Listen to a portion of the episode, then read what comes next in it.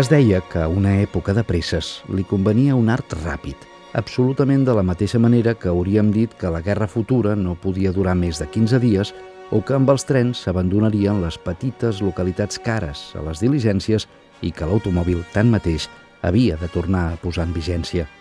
Es recomanava no fatigar l'atenció de l'oient, com si no disposéssim d'atencions diferents, entre les quals de l'artista depèn fer-nos desvetllar les més altes, perquè els que badallen de fatiga després de 10 línies d'un artista mediocre havien fet cada any el viatge a Bayreuth per escoltar la tetralogia. De fet, havia de venir el dia en què per un temps Debussy seria declarat tan fràgil com Massenet i els estremiments de Melisande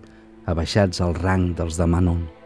perquè les teories i les escoles, com els microbis i els glòbuls, s'entredevoren i garanteixen, en virtut de la seva lluita, la continuïtat de la vida. Però aquell temps encara no havia arribat.